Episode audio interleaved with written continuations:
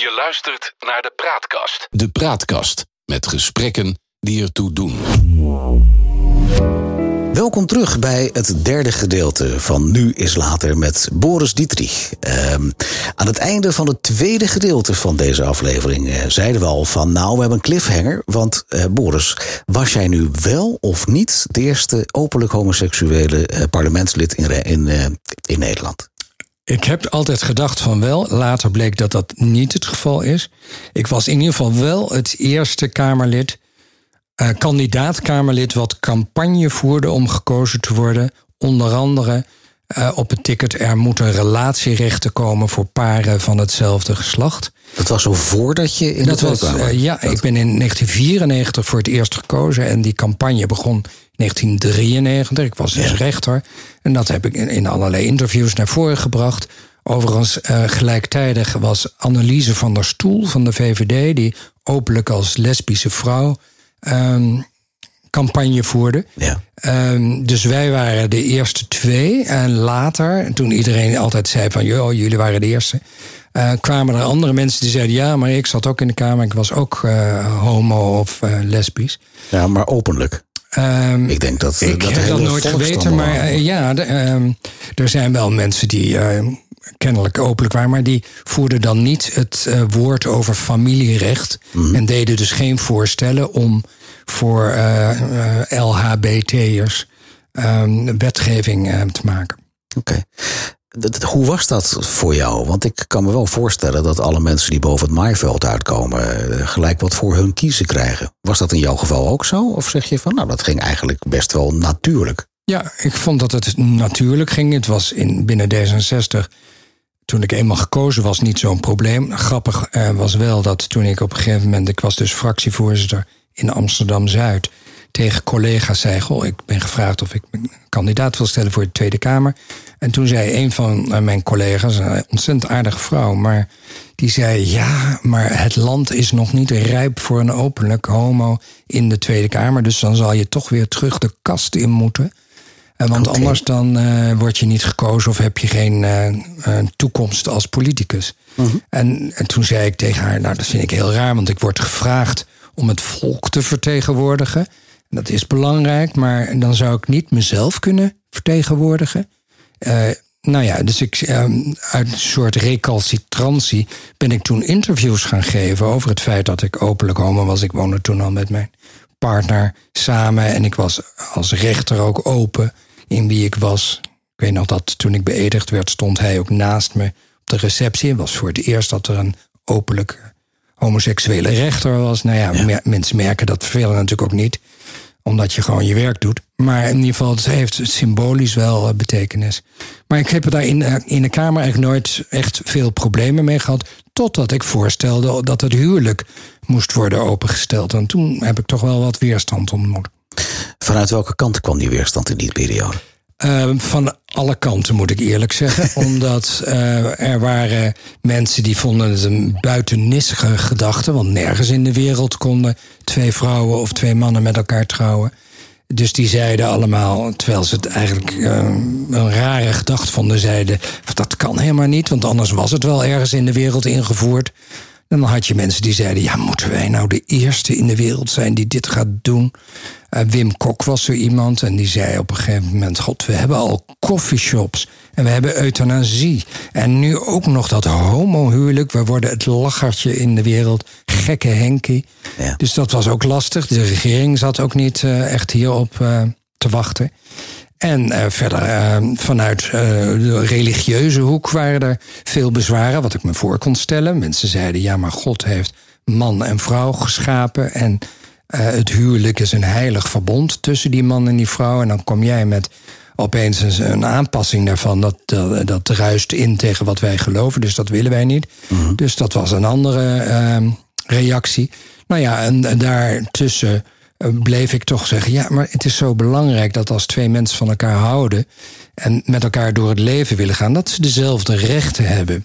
En eh, dan maakt het toch niet uit voor de wet wat je seksuele oriëntatie is. Het gaat erom dat je een lotsverbondenheid voor de wet wil uiten en dat je daar rechten aan kan ontlenen. En eh, de kinderen in zo'n relatie een juridische relatie hebben met degene die hen opvoeden. Dus uh, nou ja, dat was dan een beetje een juridische discussie. En die is uitgemond in de wet die in 2001 is ingevoerd. Maar waar, wanneer kwam dat kantelpunt dan? Want je zegt eigenlijk, nou, er, was heel veel weerstand tegen. Eigenlijk ook vanuit de liberale uh, stromingen, die, die, wat, die wat progressiever erin stonden. Ik heb ergens gelezen dat zelfs het COC in de start nog eigenlijk tegen was. Ja, klopt. Wanneer, wanneer kwam dat kantelpunt? Waar je echt voelde van, ja, maar nu krijg ik de, de maatschappelijke opinie mee. Ja, ik heb samen met Mieke van der Burg van de Partij van de Arbeid, Anneliese van der Stoel van de VVD en ikzelf, met z'n drieën, hebben we dus die debatten aangevoerd en moties ingediend. En nou ja, uiteindelijk uh, werden die moties wel aangenomen, maar er gebeurde niks. Het kantelpunt kwam. Uh, wij hoorden dus steeds juridische bezwaren. Terwijl ik ben zelf jurist en ik zei: nee, maar je moet gewoon de wet een beetje aanpassen en dan, uh, dan hebben we het geregeld. Toen hebben we een uh, juridische commissie in laten stellen. Een staatscommissie onder leiding van professor Kortman. En die zijn toen met een advies gekomen. En kort gezegd kwam het advies erop neer. Uh, het is een politieke keuze, maar juridisch kan het. Maar je moet het politiek willen. En toen was dus een, groot argument uit handen geslagen van veel mensen die maar steeds zeiden: juridisch kan het niet, want het bleek dus wel te kunnen. Toen kwamen er nieuwe verkiezingen en uh, mijn twee companen die gingen niet door in de politiek, ik wel. En ik zat in het onderhandelteam van D66 en Tom de Graaf was toen de fractievoorzitter.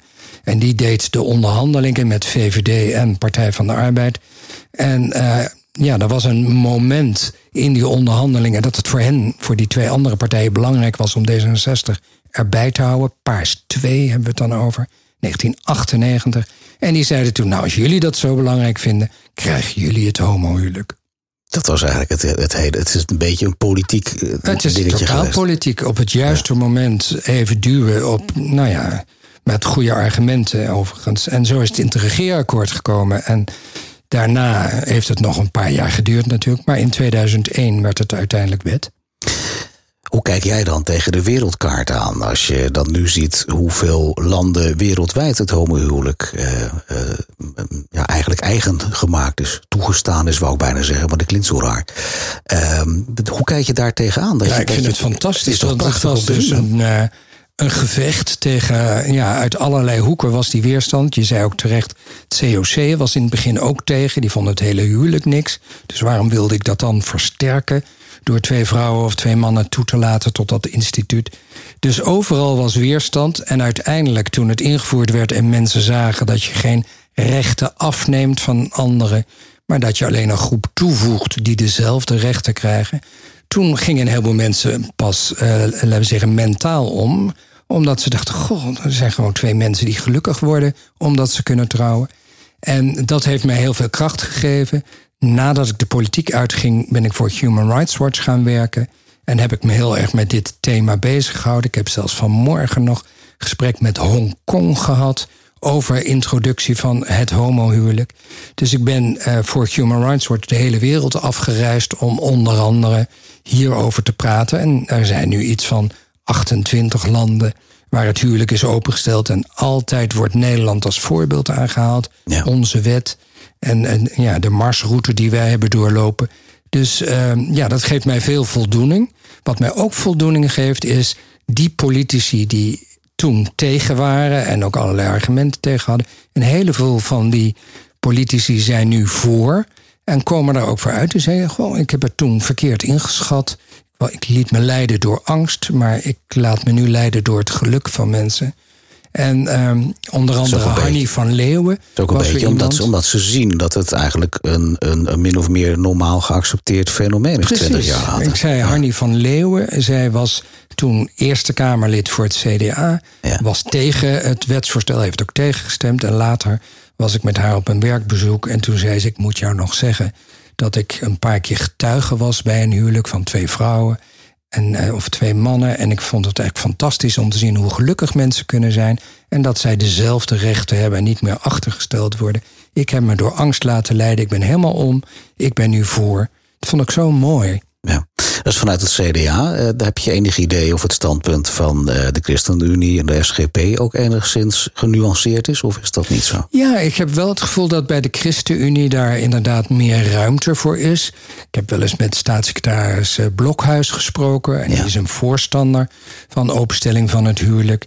Toen de ChristenUnie met de Partij van de Arbeid en het CDA gingen regeren een aantal jaren geleden hebben ze er, ondanks dat ze formeel tegen openstelling huwelijk waren, er niet voor gepleit om de wet weer terug te draaien. Dus ze hebben dat geaccepteerd, dat de wet nu zo is. En ik heb dus het gevoel dat bij de ChristenUnie wel meer mensen op die lijn zitten. Uh, en de SGP is tegen en zal tegen blijven. Dat zou niet veranderen, denk je? Ik denk het niet. Nee. nee in de start van de jaren negentig was er maatschappelijk eh, toch wel een vrij liberale stroming. Eh, geloofsbeleving, als we daar toch over hebben, was volkomen vrij. Uh, maar het leek zich in die tijd nog een beetje te verplaatsen naar een individuele beleving achter de voordeur. de invloed van orthodoxe levensovertuigingen speelde minder een rol. Hoe kijk je vanuit jouw opvattingen naar die ontwikkelingen van de afgelopen 30 jaar die we nu meegemaakt hebben? Ja, wat ik zie is dat er ehm, natuurlijk conflicten kunnen ontstaan, tussen botsingen kunnen ontstaan, tussen grondrechten die wij allemaal hebben, de vrijheid van godsdienst, de vrijheid van meningsuiting, het non-discriminatiebeginsel uit artikel 1 van de grondwet. En uh, dan zijn er van die uh, conflicten, situaties, van die botsingen die dan heel erg het nieuws halen. En uiteindelijk door de rechter moeten worden beslist. Omdat mhm. geen van die uh, drie rechten is uh, helemaal afgeschermd. Dus daar, daar zijn ook altijd uitzonderingen op mogelijk. Er staat ook uh, in de grondwet natuurlijk dat de wet er weer van af kan wijken. Dus soms zijn er van die situaties dat een rechter echt naar de feiten moet kijken, naar de, uh, ja, de, de, ja, het geval aan zich. En dan een beslissing moet nemen. En jurisprudentie kan ons dan verder helpen in hoe kijken we naar uh, bijvoorbeeld, uh, mag een leraar op een school uh, zeggen: Ik wil me helemaal niet bezighouden met lesgeven over homoseksualiteit. Terwijl ja. de politiek zegt: Ja, dat is wel belangrijk dat leerlingen zich veilig weten. En als ze daar vragen over hebben, dat daar op een goede manier over gesproken kan worden. Ja. Zo zijn er dus allemaal van dat soort grijze gebieden. En ehm, ik zie wel dat in de. Je had het over 30 jaar dat in de afgelopen 30 jaar daar meer debat over is. En dat is goed. Ja, ik vind dat je daar nogal, nogal um, vindt dat het allemaal uh, nog een beetje goed gaat. Ik, ik, ik vind persoonlijk dat daar um, een verscherping plaatsvindt nu. In de zin dat er, dat er orthodoxe stromingen zijn. Uh, nou, we hebben het net over de SGP. Die verandert denk ik ook niet. Je hebt het over moslimmensen uh, die, die, die daar hun eigen ideeën over hebben. Uh, die toch steeds meer knagen aan dezelfde vrijheid waar jij het net over hebt. En dan denk ik, ja, is, is, is dat nou een tendens waar jij heen wil? Zeker vanuit je achtergrond als rechter, zeg maar. Nou ja, ik heb niet gezegd dat er geen problemen zijn. Ik heb alleen gezegd dat die problematische situaties uh, uiteindelijk bij de rechter op zijn bordje belanden en die moet daar een beslissing in nemen. Maar ik vind het ook heel belangrijk dat mensen vanuit hun geloofsovertuiging kunnen zeggen dat ze ergens tegen zijn. Moeten ja. ze ook kunnen zeggen vanuit de vrijheid van godsdienst, totdat er op een gegeven moment een grens wordt overschreden en het ophitsing kan worden of uh, ja, mensen in een hele nadelige positie kan plaatsen. Want dan komt het non-discriminatiebeginsel natuurlijk om de hoek kijken. Dus het hangt er maar helemaal vanaf Um, wat de feiten zijn. Ik weet niet of het nu erger is dan 30 jaar geleden. 30 jaar geleden, uh, of 20 jaar geleden, werd ik ook met de dood bedreigd. Uh, omdat ik openlijk homo was en het homohuwelijk had voorgesteld. Mm. Uh, dat gebeurt nu ook. Nu heb je de social media, dus het is allemaal zichtbaarder. Ja. Maar toen Um, ja, waren er ook mensen die heel fel konden zijn. En daarom vind ik het belangrijk om um, altijd het gesprek aan te gaan. Ook met degene die je verketteren, die tegen je zijn. En soms moet je concluderen, nou hier is geen gesprek mogelijk kan. Ja. Maar um, ja, ik vind toch altijd wel, en denk toch altijd weer aan Nelson Mandela, altijd die hand reiken en kijken van hoe ver kunnen we komen en wat zit er achter jouw woede om andere mensen bepaalde rechten te ontzeggen om wie ze zijn. En uh, soms zitten daar hele andere redenen achter. En soms kom je ook echt tot een goed gesprek. Um, nog een laatste vraag daarover. Hoe, hoe kijk jij dan nu, anno 2021, aan tegen de vrijheid van het onderwijs die wij in Nederland kennen? Met de geloofsovertuigingen die daar ja, hun eigen interpretatie aan geven. Ja, ik vind de vrijheid van uh, onderwijs een groot goed. Maar ik vind het nog belangrijker dat jonge mensen die onderwijs genieten. Ik ga er even vanuit dat we nu over onderwijs aan jongeren hebben dat die uh, op kunnen groeien zonder vooroordelen en zonder stigma's. Mhm. En dat betekent dat je ook als je naar een reformatorische school gaat, dat je als jongere recht hebt om jezelf te zijn. En dat betekent dat er van de school echt een grote inspanningsverplichting wordt uh, gevraagd om daaraan tegemoet te komen. En het mag dus niet zo zijn dat een school uh, tegen ouders zegt als je kind homo of lesbisch is of transgender Um, dan uh, willen wij die niet op school hebben of um, we gaan dat tegen.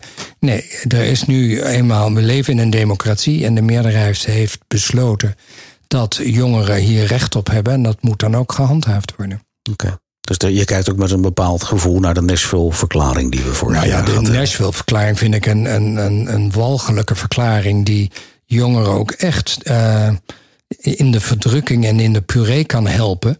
En er zijn natuurlijk jongeren die echt op zoek zijn en heel eenzaam zijn. En als dan een Nashville-verklaring wordt ondertekend door politici, maar ook door leraren. Uh, en door andere mensen die er een gezagsfunctie vervullen, dan uh, kan dat wel eens uh, leiden tot zelfverminking, tot depressie en misschien nog wel erger tot zelfmoord. Ja. Dus ik vind die Nashville-verklaring echt fout en daar moeten we stelling tegen nemen. Oké. Um, je bent als, als uh, mensenrechtenactivist, als ik je zo mag benoemen, heel actief geweest. Uh, maar dat doe je nog. Wat, wat, is, wat is op dit moment je activiteit hierin? Nou ja, ik, ja, dat doe ik nog. Ik ben nu senator. Ik ben Eerste Kamerlid geworden twee jaar geleden, tweeënhalf jaar geleden. En uh, dan ben ik dus met name met wetsvoorstellen bezig. Ja. Dus dat mijn activisme is nu meer in het vat gegoten van hoe kijk ik naar wetsvoorstellen en kan ik die steunen of niet. Um, maar daarnaast doe ik nog wel het een en ander um, in maatschappelijke organisaties. Zo ben ik bijvoorbeeld voorzitter van uh, de Nederlandse vrienden van de Hebreeuwse Universiteit in Jeruzalem. Mm -hmm. En wij organiseren um, projecten in Israël en in de bezette gebieden, die dus ten goede komen aan uh, beide volken. Um, op het gebied um, van uh, agricultuur. Dus um, we hebben nu een heel groot. Uh, dat heet een, een, Ik zal daar niet te veel details over geven, maar een Wheatmax project. Dus tarwe wordt ontwikkeld, een nieuwe graansoort die heel erg goed tegen de hitte kan in dat gebied. En ja. boeren in de Westbank en in Israël gebruiken dat. En dat wordt allemaal begeleid door een Palestijnse universiteit en eh, de Hebreeuwse Universiteit in Jeruzalem. En dat is een vorm van activisme die heel erg nuttig is, want daar laat je de politiek helemaal weg. Dan kijk je wat hebben mensen op de grond nodig? Hoe kun je ze tot elkaar brengen? Nou, boeren aan beide kanten van de grens zitten met hetzelfde probleem en die willen ook samenwerken. En ja. dan uh, proberen wij dat te ondersteunen. En dat is een vorm van activisme, wat misschien niet zo zichtbaar is, maar wat wel leidt tot uh, resultaten. Ben je verder nog van plan om je in, in dit opzicht uh, ergens mee bezig te gaan houden qua mensenrechten? Ja, ik krijg uh, heel veel uh, verzoeken, of ik, uh, maar dat zijn dan vaak bestuursfuncties, of dat ik toespraken wil houden. En dat doe ik dan ook altijd. Ja. Als, het, als, het, als ik het gevoel heb dat ik een meerwaarde kan zijn. Zo was ik tot een paar weken geleden ambassadeur, heet dat, van Pride Amsterdam. Dus daar, uh, vroeger had je dan die botenparade vanwege corona, was dat niet mogelijk. Maar worden heel veel mensenrechtenactiviteiten georganiseerd. En zo hou ik me dan bezig met conversietherapie in Nederland. Oh ja. Ja. En dat is echt een uh, onderwerp waar nog een wet over moet komen. En, en conversietherapie, heel kort gezegd, betekent dat mensen willen iemand die homo of lesbisch of transgender is of biseksueel omvormen tot hetero door gedwongen een therapie te ondergaan. En uh, ja, dat druist in tegen allerlei mensenrechten. En ook hele slechte gevolgen. Hè, mensen zelfmoord plegen of depressief van kunnen raken. Helaas komt dat nog wel eens voor. In Nederland natuurlijk niet schering en inslag. Maar het gebeurt wel. eh, Ja, en dan moet, vind ik, een norm komen dat mensen weten: dit kan niet, dit mag niet. Dus er moet een wet tegenkomen. Daar hou ik me mee bezig. Ehm, is dat vanuit je, vanuit je politieke activiteit of is dat vanuit ja, een soort mensenrechtactivist? Ja, eigenlijk meer vanuit mensenrechten. Maar eh, uiteindelijk komt, komt er een wetsvoorstel. En ja, dan zit ik natuurlijk als D66 Eerste Kamerlid ook naar dat wetsvoorstel Dat te kijken. Maar eerst moet je de geesten rijp maken dat dit een onderwerp is wat van belang is. en Wat mensen kan helpen. Mhm. Ehm, en eh, ja, dus het is toch meer vanuit een activistische rol. Oké. En dan niet te vergeten de afgelopen tien jaar, Boris. Want je bent al tien jaar lang schrijver. Van thrillers. Ja, en, en niet alleen van thrillers. Mijn laatste boek was een roman. Oh, En oké. er komt een nieuw boek aan. Dat is ja, een beetje op het grensvlak van thriller en roman. Ja. Ja, en dat doe ik met heel veel plezier. Ik hou ervan om eh, creatief te zijn en om situaties die ik heb meegemaakt of zie, om die eh, ja, in de vorm van een verhaal en een plot te verwerken. Mijn laatste boek, Terug naar Tarvot, eh, is gebaseerd op mijn eigen ervaringen in Israël. toen ik in 1977 in een kibbutz woonde en werkte. Ja. En eh, nou, daar heb ik een heel verhaal over geschreven. Eh, maar het boek daarvoor heet bijvoorbeeld Halszaak. En dat gaat eigenlijk over de nekklem. Ja, de, de nekklem, dus dat als politie iemand wil arresteren, dan kunnen ze iemand bij de, in, ja, bij de nek grijpen. En soms gaat dat mis. Dat is een beroemde zaak van Mitch Henriquez, die in Den Haag een nekklem kreeg aangelegd en toen stikte. Ja. Nou ja, ik ben daardoor geïnspireerd. Heb ik een heel spannend verhaal verzonnen over die nekklem. En hoe zich dat uiteindelijk eh, ontwikkelt in dat boek. En het boek daarvoor, ik zal niet al mijn boeken behandelen hoor, maar dat heet Wolf. En dat gaat over de opkomst van een eh, racistische, populistische partij, ook erg antisemitisch. En in Duitsland, want ik eh, woonde toen in eh, Berlijn. En nou ja, dan heb ik die opkomst beschreven. ehm, ja, door de lens van een moord die plaatsvindt. En dan is natuurlijk de vraag wie is de moordenaar geweest. Maar dan behandel ik eigenlijk maatschappelijke thema's, maar in een spannend verhaal. Dus het is niet een soort maatschappijlesje wat ik opdreun, maar je leest een spannend plot. En ondertussen krijg je het een en ander mee van een maatschappelijk probleem. Even terug naar 2011. Want ehm, er is een moment geweest waarop jij op een gegeven moment dacht... nou, weet je wat, ik ga schrijver worden.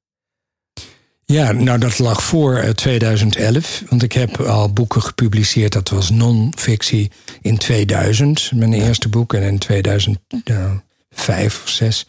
Ehm, ja, ik heb altijd eh, beroepen gehad. Hè, als advocaat, als eh, rechter, als eh, politicus. Waarin je heel veel met taal bezig was. En waarin je goed moet kunnen uitdrukken. Ja. Ook schriftelijk. Ehm, en ik heb mijn hele leven lang van lezen gehouden.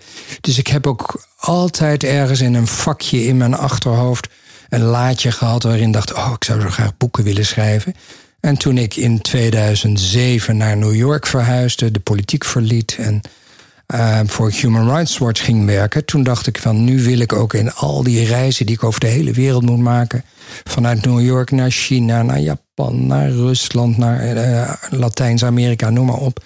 Ben je zo lang onderweg in vliegtuigen, op vliegvelden, in hotelkamers. Ik dacht, dan mag ik mezelf tracteren door te schrijven en te lezen. Om dat werk en het reizen aantrekkelijk te maken. En zo zijn mijn eerste boeken eigenlijk ontstaan tijdens het reizen. Schreef ik.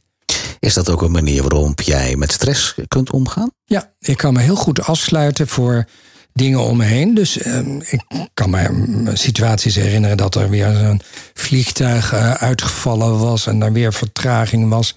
Dan zat je op een uh, plastic stoeltje. Ja. Uh, iedereen had rugpijn, iedereen zat om me heen te zuchten en te steunen en te vloeken en te wachten tot dat nieuwe vliegtuig kwam. En ik dacht, ah, we hebben een paar uur extra. Ja. En ik maar schrijven en nadenken over het plot in mijn boek. Dus uh, ja, ik had dan geen stress. En de mensen om heen vielen bijna om van de stress. Mm. En ik dacht alleen, ah, heerlijk, lekker schrijven.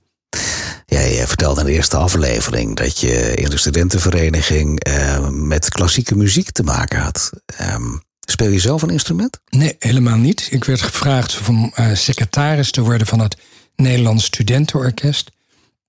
En uh, ja, ik heb dus meer de organisatie toen op mij genomen. Maar omdat je dan wekenlang met studenten optrekt die allemaal mooie klassieke muziek oefenen, raak je wel helemaal in de ban van klassieke muziek. Dat heb je nog steeds. En dat heb ik nog steeds. Zijn er bepaalde voorkeuren? Ja, ehm, toch nog één verhaaltje vertellen. Ik ben namelijk familie van Dvorak. En Dvorak is de Tsjechische componist natuurlijk. Heel ver weg van Natuurlijk zegt hij dan, ik ken hem niet, sorry. Ja, ga verder. Ken je Dvorak niet? Nee. Antonin Dvorak? Nee. Oh. En hij heeft een gebrek hele, aan opvoeding. Ja, nou, ik ga je nu opvoeden, want hij heeft een hele beroemde symfonie geschreven uit de nieuwe wereld. Ja. Op een gegeven moment is hij uit Praag naar eh, New York gegaan, werd hij gastdirigent en heeft daar een, had heimwee en heeft daar um, een prachtige symfonie geschreven uit de nieuwe wereld. Kan ik iedereen aanraden, is een heel beroemd klassiek muziekstuk. Maar Dvorak was, geloof ik, de achterneef van mijn oma of zoiets. Dus heel ver weg. Maar goed, dat heb ik natuurlijk altijd eh, meegekregen, dat verhaal thuis. En um, gelukkig, toen ik uh, secretaris werd van het Nederlands Studentenorkest, speelde zij een stuk van Dvorak. Dus dat stuk ken ik ook helemaal van binnen naar buiten. En uh, ja, ik dat zie heeft echt je ogen glimmen, ja. Ja, Nee, dat heeft echt mijn ogen geopend. En ik dacht, wauw, dit is zo fantastisch om van klassieke muziek te genieten. En zo ben ik uh, een Dvorak-fan geworden. Helemaal goed. Een laatste vraag. Wat voor ambitie uh, heeft Boris Dietrich nog voor de komende vijf of tien of vijftien jaar?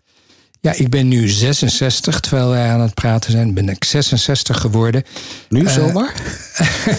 nee, maar ben, dit was de inleiding om te zeggen dat mijn ambitieniveau wat um, getemperd is. Ik heb het gevoel dat ik heel veel dingen die ik wilde doen gedaan heb. Mm -hmm. uh, dus ik sta ook heel positief in het leven. Ik wil heel graag goede boeken schrijven. Uh, er komen twee uh, boeken aan. Volgend jaar in 2022 zullen die hopelijk gepubliceerd worden. Uh, dus dat wil ik heel graag doen. En ik wil heel graag een goed Eerste Kamerlid zijn. Um, dus dat zijn eigenlijk mijn uh, werkambities. En verder ben ik volgend jaar 40 jaar samen met mijn man. Toen mijn vriend, nu mijn man.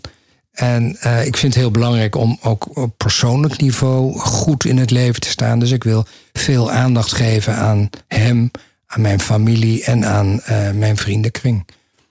Doe je die dingen allemaal uit een bepaalde overtuiging, wellicht een spirituele overtuiging?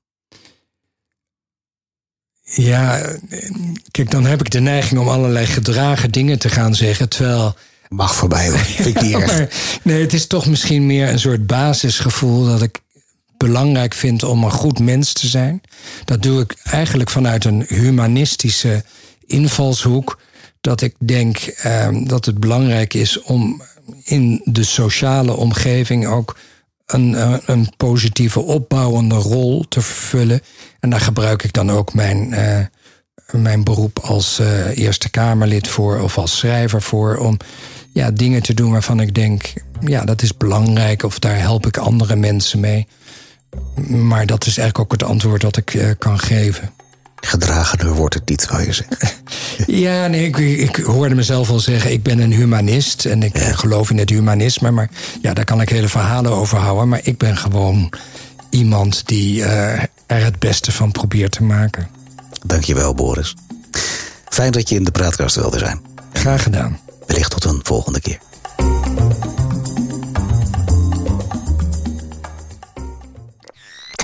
Luistert naar de Praatkast. De Praatkast met gesprekken die ertoe doen.